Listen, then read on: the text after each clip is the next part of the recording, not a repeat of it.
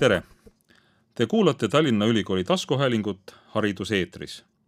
tänases saates räägime väikestest ja väga väikestest lastest. tegelikult ka nii väikestest, kes pole veel sündinudki. stuudios on lastepsühhiaater, psühhoanalüütiline laste ja noorte psühhoterapeut Piret Visnapuu-Pernat, kes on pidanud loenguid ka Tallinna Ülikooli mitmete erialade tudengitele. mina olen Tallinna Ülikooli kommunikatsioonijuht Sulev Oll. Piret, kes on siis see laps, kellest me täna räägime?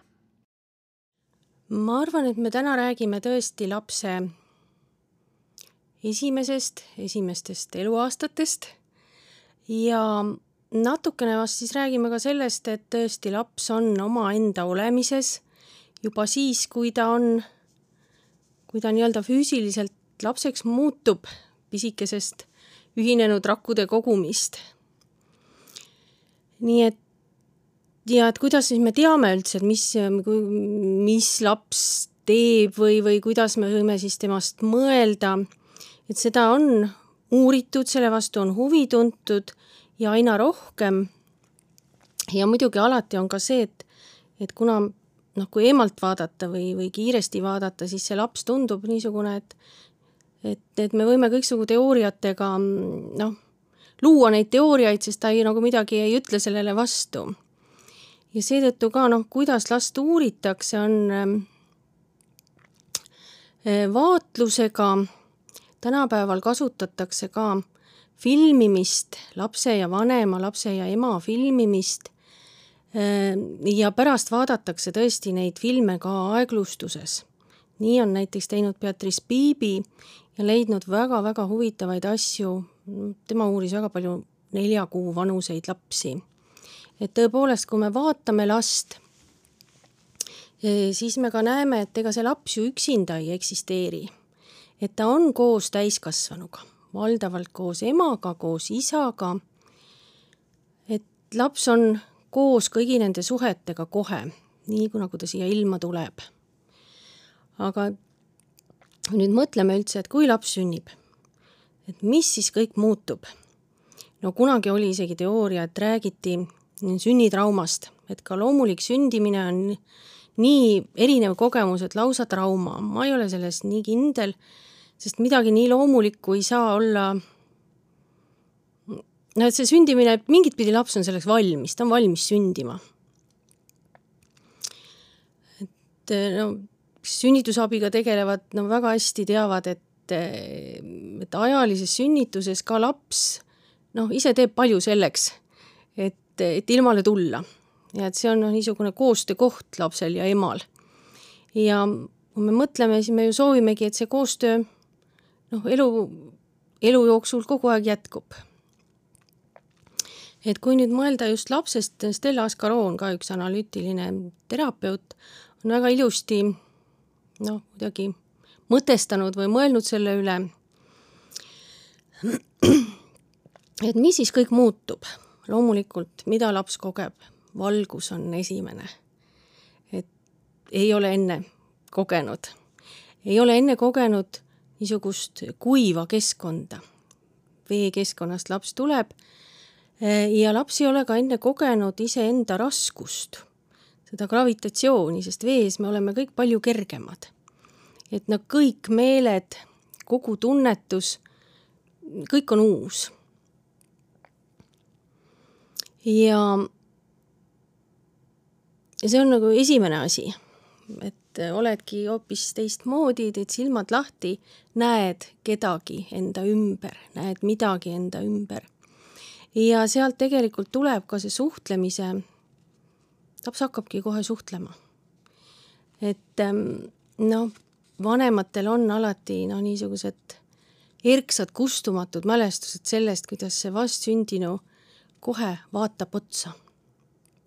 kuidas ta kohe katsub käega seda ema, kelle kõhule ta tavaliselt ju pannakse ja, ja teine vanem ka, kus last puhastatakse, kaalutakse, antakse sageli ju isa kätte ikka, et ja noh, see imede ime, et vaatabki otsa suurte selgete silmadega. et tõepoolest see suhtlus kohe algab. ja sealt edasi no mis lapsel nüüd järgmiseks tuleb? ta saab uuesti sooja, vähitakse sisse, ta kuuleb, kui seal on seal ema kõhu peal, kuuleb, kuidas ema süda lööb, aga üsna varsti tuleb üks väga uus kogemus, kuna ei ole enam nabanööri. Siis tuleb selline üllatav tunne, et kõht läheb tühjaks, mida enne ei ole olnud. ja, ja sealt tuleb ka niisugune väga loomulik tegevus, et, et laps hakkab imema.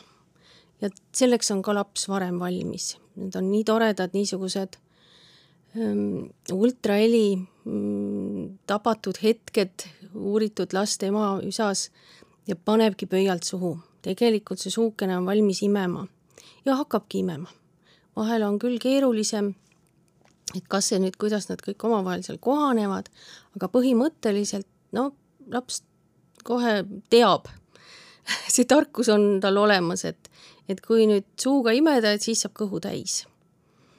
ja, ja tuleb niisugune hea tunne, tuleb sellest täiskõhust hea tunne. et laps juba hakkab kogema, et on kord ühtemoodi, kord teistmoodi. Ja, ja tal noh, tekib tegelikult, võiks ikkagi öelda, tekib juba ajataju. et on erinevaid aegu, on kõht täis, on kõht tühi, on olemas keegi, kelle abiga saab selle kõhu täis, see on ema. ja, ja tegelikult tuleb juba ka väike mure, et aga et kui seda ema õigel ajal ei tule, et mis must siis saab. et ähm, noh, niisugused tegelikult vägagi tugevad emotsioonid on ka lapsel kohe. ja ja on ka lapsel kohe see tunne, et, et keegi on, kes aitab. see on minu ema, see on minu isa, see on teised minu lähedased. ja kui nüüd veel tõesti korra rääkida sellest lapsest, kes siis ei ole veel sündinud, vot äh, Alessandra Piontelli, kui see ultraheli metoodika niimoodi hästi arenes, et sai jälgida, siis tema väga pühendunult uuris ja mis ta tegi kindlaks, oli väga huvitav, et midagi sellest inimese isiksuse unikaalsusest, kui me nii võime öelda, tegelikult ähm, on, on juba kohe, äh, kui laps ennast liigutama hakkab, ähm, selgus ikkagi, et midagi selles liikumise mustris, see, kuidas me, kuidas me keha asendeid võtame, kuidas me oleme, ähm, see on nii palju kaasa, nii palju on õpitav, aga tõesti ei ole ainult sotsiaalselt omandatud, äh, vaid see temperament, äh, olemise viis, see on kõik, see on kõik inimesega kogu aeg olemas. ja no kust seda unikaalsust ka nagu paremini märgata, kui oli kaksikutega rasedused. ja see oli hämmastav, et noh, vot siis on juba kaks tükki ju suhtlevad, eks ole et, et see oli väga hämmastav, et oli kaksikuid, kes olid aina kaelakuti ja oli kaksikud, kes üksteist nii-öelda poksisid seal ema kõhus ja selgus, et see käitumismuster jäi neil vägagi püsima. et, et see ei ole ainult, et noh, kuidas vanemad nüüd aitavad ja juhendavad, me saame paljut muuta, aga tõepoolest see inimese unikaalne liikumismuster, see on temaga nagu kogu aeg kaasas, tema temperament on kogu aeg kaasas aga nüüd ma küsin vahele, et, et see kõik tundub ju väga ilus, väga loomulik, eks ju, laps ootab, ta on natuke valmis, tuleb ise ja natuke aidatakse välja. aga nüüd, kui me teie ametinimetut vaatame, et siin on ju, ju näiteks lastepsühhiaater ja et, et kas siin tulevad kusagil ka need momendid juba, miks laps hiljem või vanemad selle lapsega teie juurde jõuavad? no neid põhjuseid on palju ja lastepsühhiaatri juurde muidugi üks osa on siis need niisugused arenguhäired, millega laps on sündinud ja teine osa on siis tõesti niisugused suhete kiiva jooksmisest või, või omavahelisest mittesobimisest või keerulistest traumeerivatest olukordadest tingitud raskused.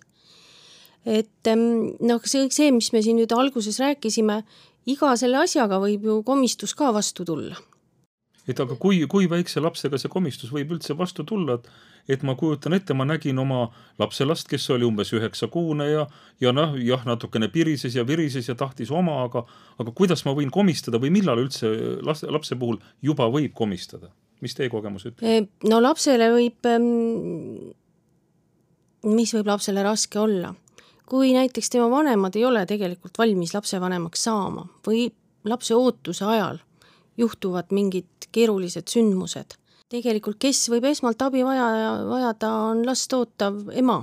et selle lapsevanemaks olemisega kohaneda ei ole üldse lihtne.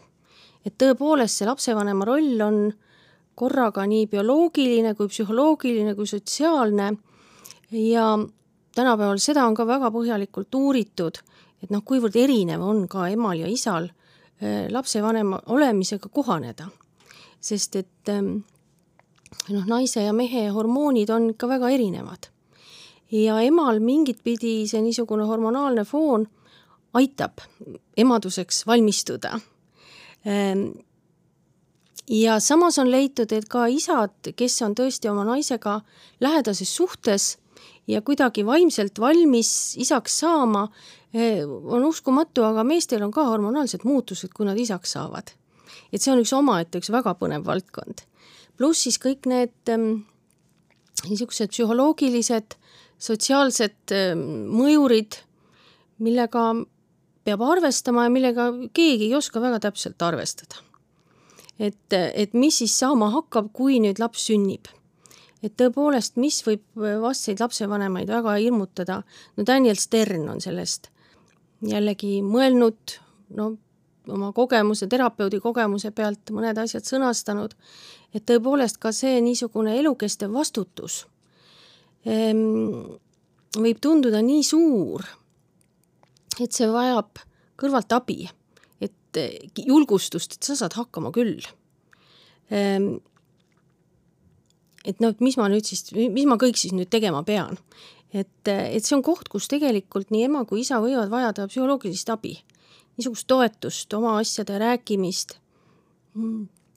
järgmiseks tõesti see, et kui laps on sündinud, eh, noh, see on nii, nii intensiivne, nii võimas, eh, see lapsega suhe et, et see tundub nagu uskumatu, et aga nüüd ta kogu aeg ongi ja, ja kõik need tunded, mis tulvavad. Mm, ja sageli vanematel löövad ähm, kuidagi kuskilt tulevad välja iseenda varase lapsepõlve kogemused ja kui need on olnud keerulised, kui on olnud traumasid, siis võib olla üks niisugune tunnete segadik, et, et sealt läheb pinge ka vanemate omavahelisse paarisuhtesse ja kõik võib minna nii segamini.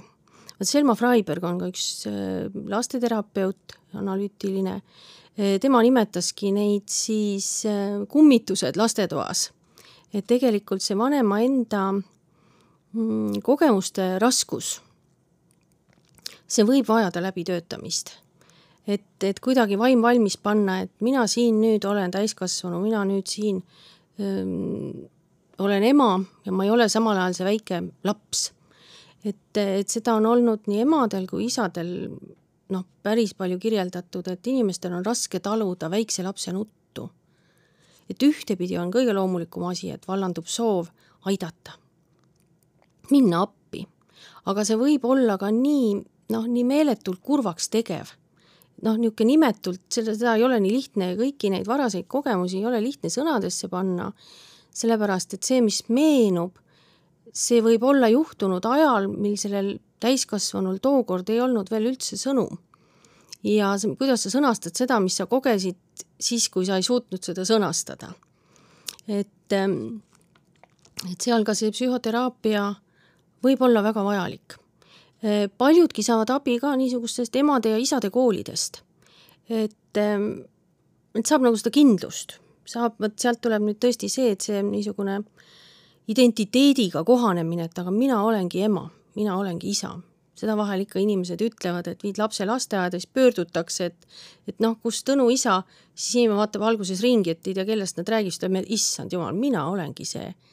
et noh, ei ole nagu harjunud, et sinu kohta öeldakse ema või isa, kui laps näiteks ise veel ei ole seda ütelnud.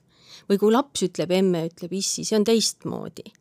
aga et jah, ma olengi, noh, see on minu üks väga tähtis roll. et see kõik võtab aega. ja mis väga palju muutub, on ikkagi paarisuhe.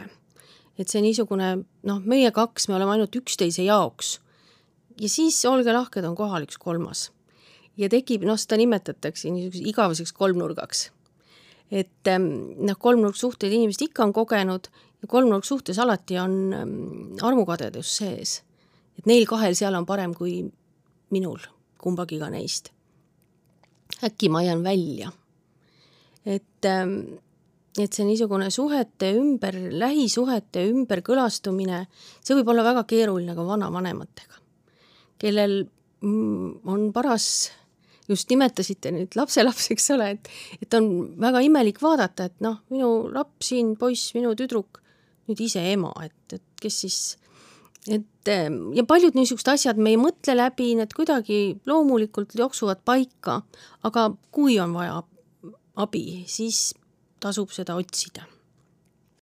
aga kas ma peaksin nüüd ka siis teatava ärevusega, nagu öeldakse, lapse arengut jälgima, et mul on niisugune väike raamat või, või annate mulle juhendi näiteks ja et laps peaks siin juba tegema seda, siis peaks tegema teist, siis peaks juba reageerima niimoodi. seda veel ei ole.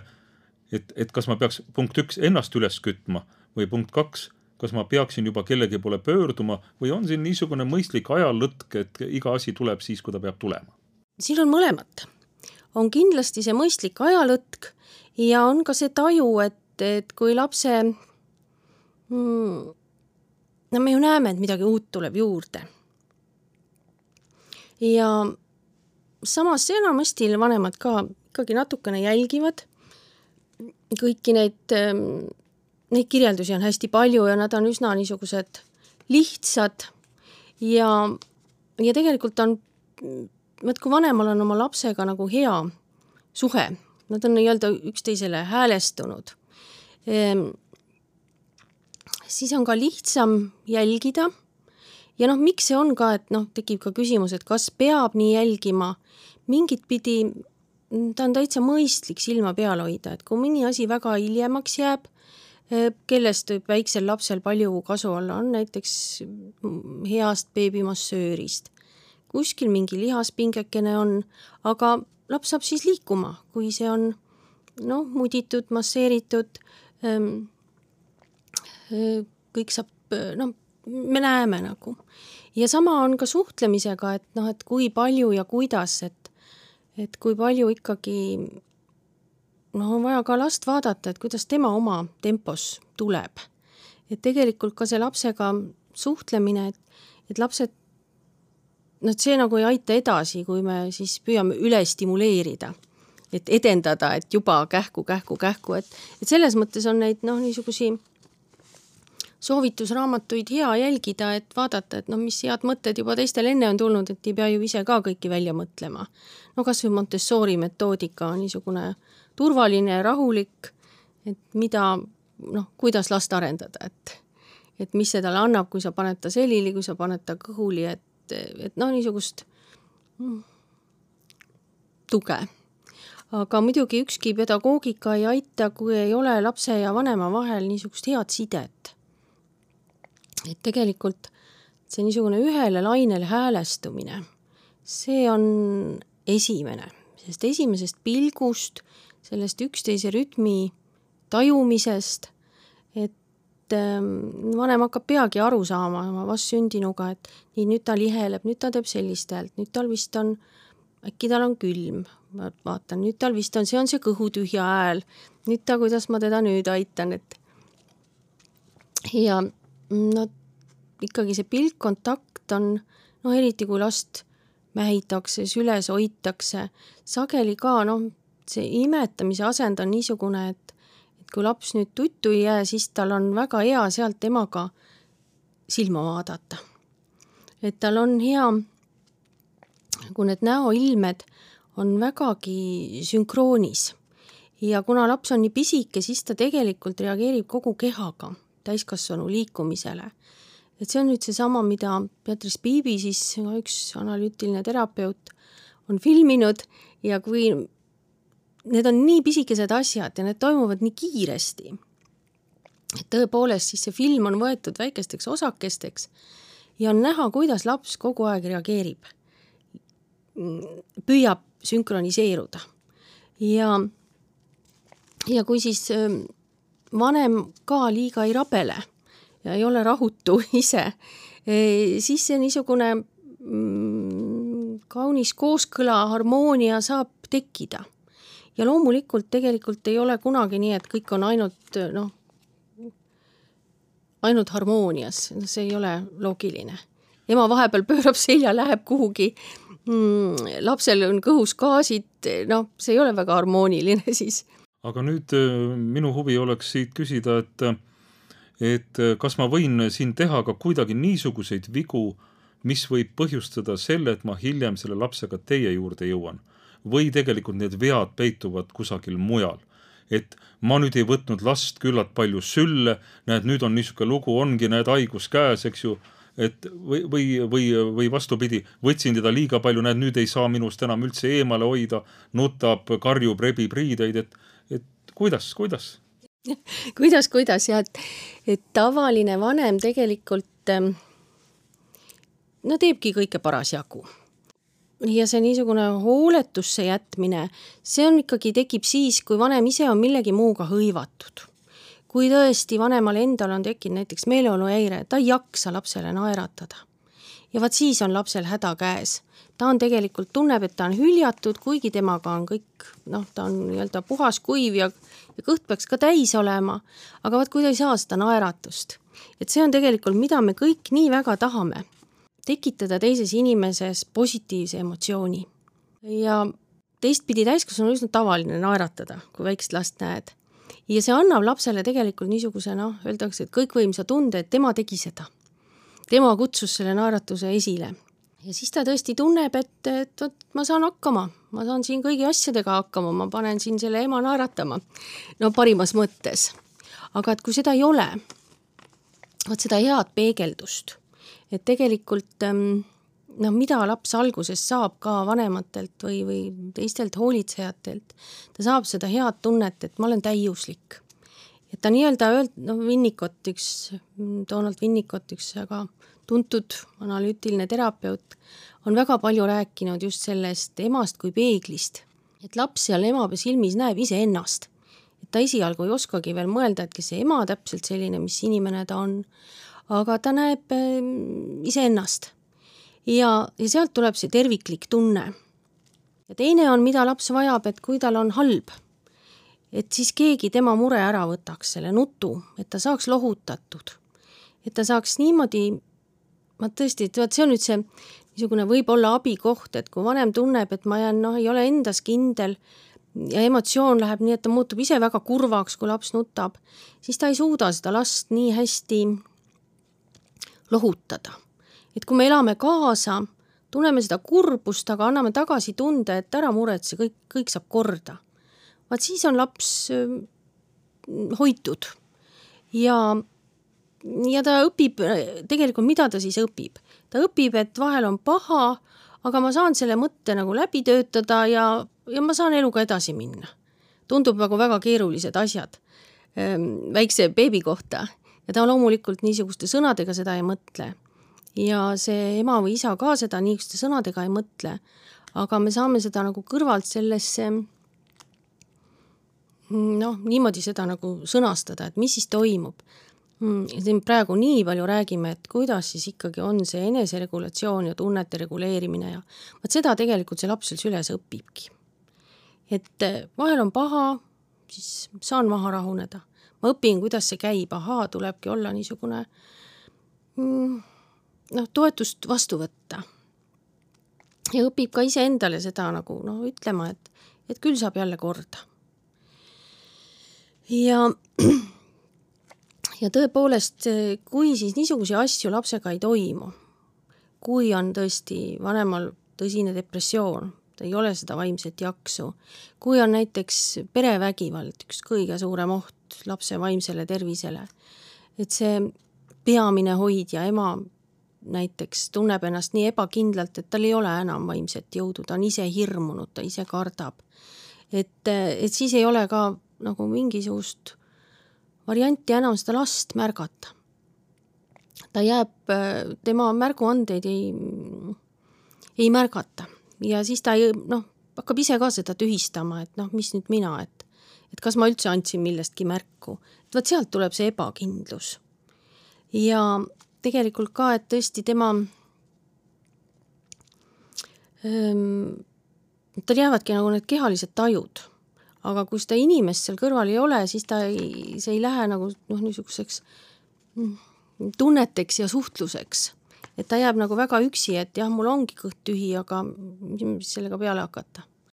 küsin siia, et minu isa kaotas oma ema siis, kui ta oli kuueaastane ja, ja tegelikult oli isa rõõmsameelne, tegus oma laste ja, ja lastelaste eest väga hoolitsev ja minu abikaasa ütles, et äkki ta selleks ajaks sai selle juba kätte, mis talle selleks vaja oli, et ta oli kuuenda eluaastani oma emaga koos. kas see võib niimoodi olla või kas laps saab kuidagi mingiks hetkeks nagu juba piisavalt valmis, et edasised äh, häired ja ohud teda nii väga kõrvale ei vii enam sihilt? no kui ta oli kuus, siis ta ilmselt küll oli kätte saanud selle sellepärast et, ähm, et noh, see niisugune nagu sisemine autonoomia või sisemine iseolemine selleks ajaks on juba kujunenud küll. ja tal on nagu, tal on nagu kätte ka saadud see, et noh, nii nagu öeldakse, et need, need representatsioonid ehk nagu meelepildid vanemast. et kuueaastasel inimesel on need juba, kui see kõik eelnev on olnud hea ja turvaline Mm, siis see meelepilt sellest hoidvast emast on tema isiku osaks saanud. et tegelikult ega ilmaaegu ei räägita, kui tähtsad on need esimesed eluaastad, et, et siis see kõik kujuneb. ja loomulikult hiljem saab teraapiaga järele aidata, no kas või kui on hooletusse jäetud laps, satub kasuperesse ja aga see on kordades keerulisem. see on kordades keerulisem kui siis, kui see täiesti tavalisel viisil esimestel eluaastatel ema ja isaga tekib, tekib see niisugune hoitud tunne, tekib tunne, et jaa, ma tean, võtan teadmiseks, et kuskil tulevad piirid, piirid tulevad tavaliselt siis ette, kui laps hakkab ringi liikuma, siis tark vanem küll kujundab keskkonda, et lapsel oleks, et võimalikult vähe tuleks keelata, aga see on elu osa. on asju, mida ei saa tuleb leppida sellega, et ema-isa vahepeal käivad ära, siis nad tulevad jälle tagasi. Mm, kõiksugu asju, millega inimene kohaneb, aga tal on kogu aeg see hea kindel tunne, et maailm on tegelikult turvaline. et, et seda nimetatakse ka e, turvabaasiks ja sisemiseks töömudeliks. et see sisemine töömudel on siis niisugune noh, kiindumussuhete kogemuste pinnalt e, kujuneb ja, ja kui laps on ikkagi turvaliselt kiindunud, siis tema jaoks on vanemad usaldusväärsed, hoolitsevad, armastavad ja ta ise on väga väärtuslik ja armastust vääriv. ja kogu maailm on noh, tal on ootus ja eeldus, et enamasti maailm pakub head. aga nüüd eh, mul tekib kohe küsimus ehm, siin on nagu last nähtud nagu teatavas mõttes nagu ideaali, et igaüks kasvab sellisena ja selleks, nagu ta on. Aga nüüd tekib mul, et minu ülesanne on ju tegeleda kasvatamisega. et kui palju ma peaksin siis kuidagi seda nii-öelda kasvatama või kuskohast see lapse nii-öelda muutmine, korrigeerimine, mõjutamine mängu tuleb või tegelikult polekski seda, ütleme, enne kooli vaja teha? no ma arvan, et muutmine ja mõjutamine on esimesest hetkest, kui me püüame sellest lapsest kui isikust aru saada me loeme ta signaale, tema vastab samaga. tema loeb ju teiste inimeste signaale ja tal tekib ikkagi soov ja, ja plaan maailmas nii läbi saada, et ma saan inimestega heaga hakkama. ja see on kasvatus. see ongi tegelikult kasvatus. et me püüame alati üksteisele head teha. ma saan aru, kust mina võib-olla midagi soovin, aga võib-olla see soov käib nii vastu teise inimese sooviga, et ma ei taha. ma loobun sellest. Ja kui mul ei ole tekkinud tunnet, et ega mulle nagunii keegi midagi ei paku, vot mis on nagu ebaturvalise eluga kaasneb. et, et mulle niikuinii keegi midagi ei paku, ma pean jõuga võtma, ma pean tegema kohutavalt kõva häält, näiteks karjuma väga kõvasti, sest vaikset häält pole keegi kuulnud. et tegelikult kasvatus on see mõistlik ähm, ähm, mõistlik tasakaal selle vahel, et kõigil on omad vajadused. Ja noh, sotsiaalpsühholoogias on tehtud väga toredaid katseid sellest, et kuidas juba aastane laps, kui me märkame, tema on tegelikult abivalmis. pärast küsime, et oi, kuidas te nüüd kasvatasite oma lapse, et ta nii nüüd tahab siin aidata ja aga inimesel on valmisolek empaatiaks. aga me peame laskma sellel juhtuda. et tegelikult vahel öeldakse ka, et noh, et keegi hellitab ära, et teeb kõik ette-taha, see on tegelikult lapse sisemise vajaduse vastu see ei ole üldse lapse heaks. lapsel on soov, vot see ongi niisugune, et, et tõesti mitte ta ei lähe nüüd nagu noh, niisugust abivajajast äh, sõltumatuks, aga tal on nagu paralleelselt, inimesel on paralleelselt mõlemad soovid. olla autonoomne, ise hakkama saada ja olla teistega koos. ja kui ma saan seda rahumeelselt teha.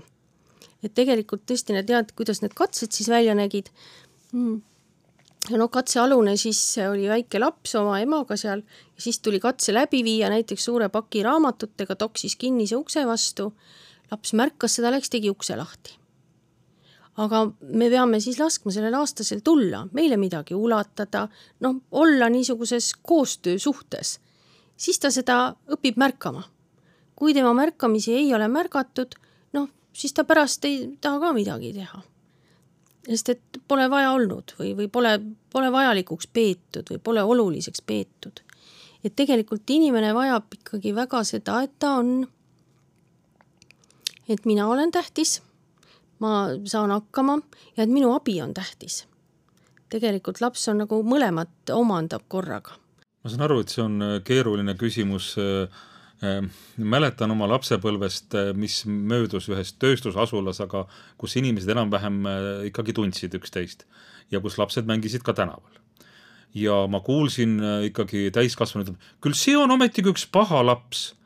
et mis see teooria on, kas see paha laps oli kasvatamatu laps või tegelikult oleks ta vajanud juba, juba ütleme, psühholoogilist või ka psühhiaatrilist abi? no vot ei tea ju, mis ta tegi seal ja me ei tea ka, mille peale see täiskasvanu seda ütles, võib-olla sellel täiskasvanul endal hambad valutasid parajasti. Ja ta tahtis kellelegi midagi jube halvasti öelda, et äkki hakkab parem. ja võib-olla see laps oligi hooletusse jäänud. Ja, ja keegi poolt talle otsa vaadanud ja öelnud, et kuule, tee ometi teistmoodi. et ähm, me ei tea.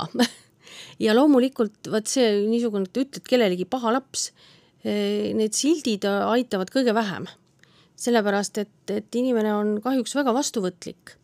nii nagu ma enne rääkisin, et, et kui nüüd ema silmist laps tunneb, et ma olen terviklik, ma olen tubli, ma olen hea, siis ta käitub vastavalt.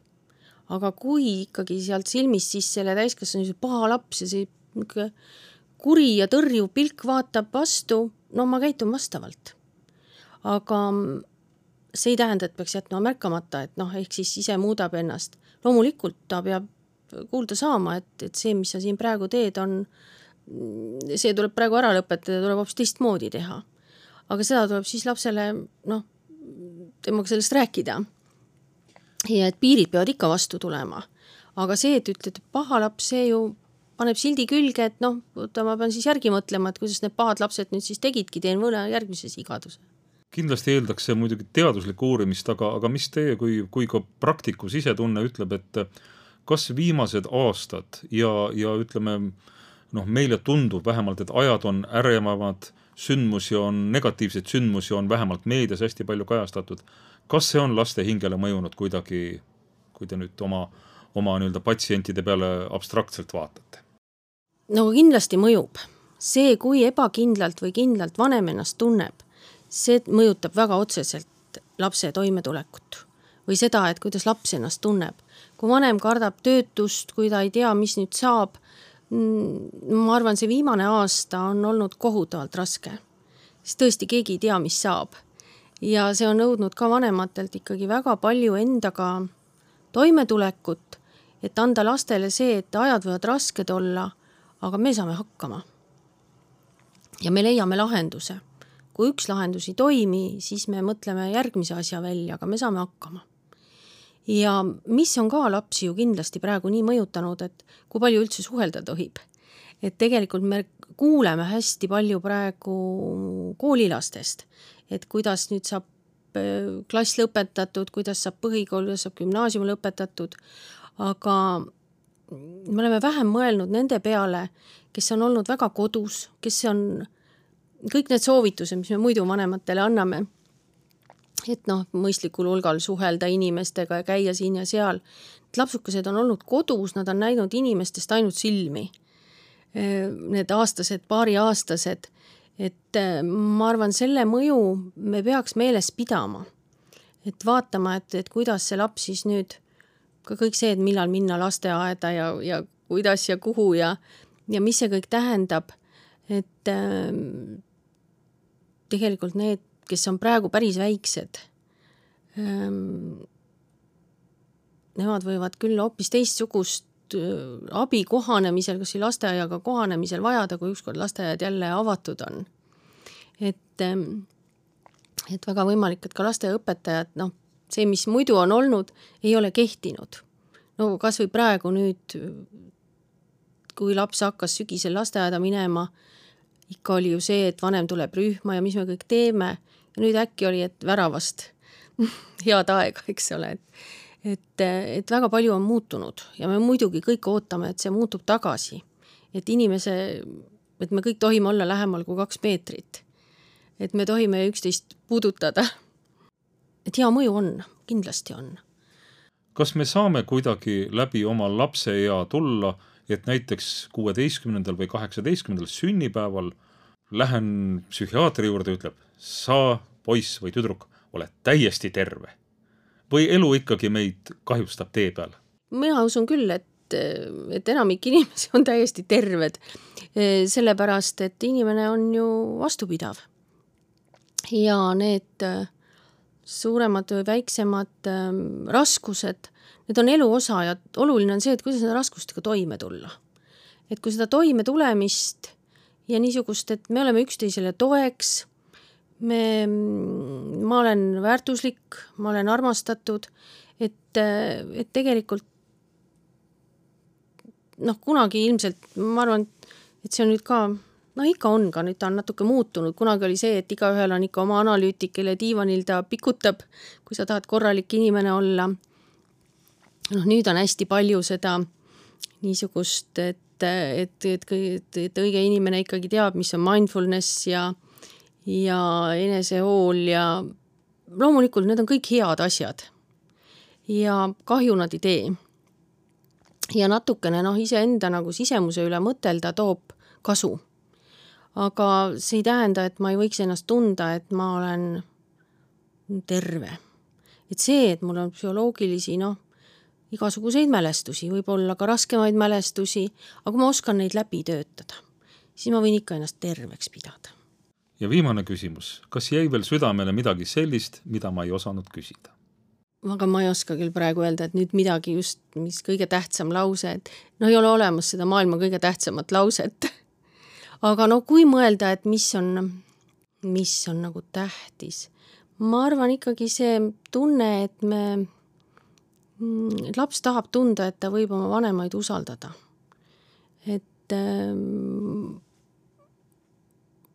et vanemad hoolivad, vanemad aitavad ja tegelikult laps tahab tunda ka seda, et vanemaga on lõbus ja tore. millest me ei jõudnud rääkida, me ei jõudnud mängimisest rääkida.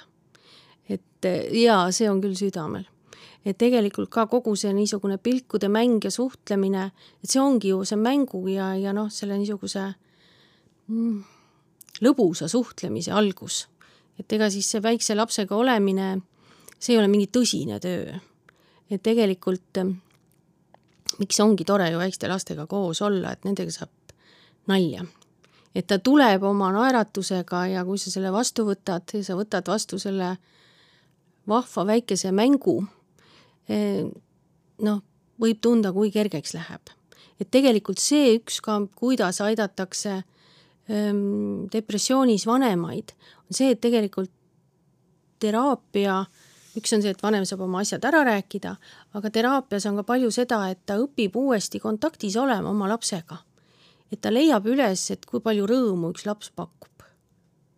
see oli Tallinna Ülikooli taskuhäälingu hariduseetris saade ja me rääkisime väikestest ja väga väikestest lastest. stuudios oli lastepsühhiaater, psühhoanalüütiline laste ja noorte psühhoterapeut Piret Visnapuu-Bernart ning mina olin saatejuht Sulev Oll. jälle kuulmiseni. thank you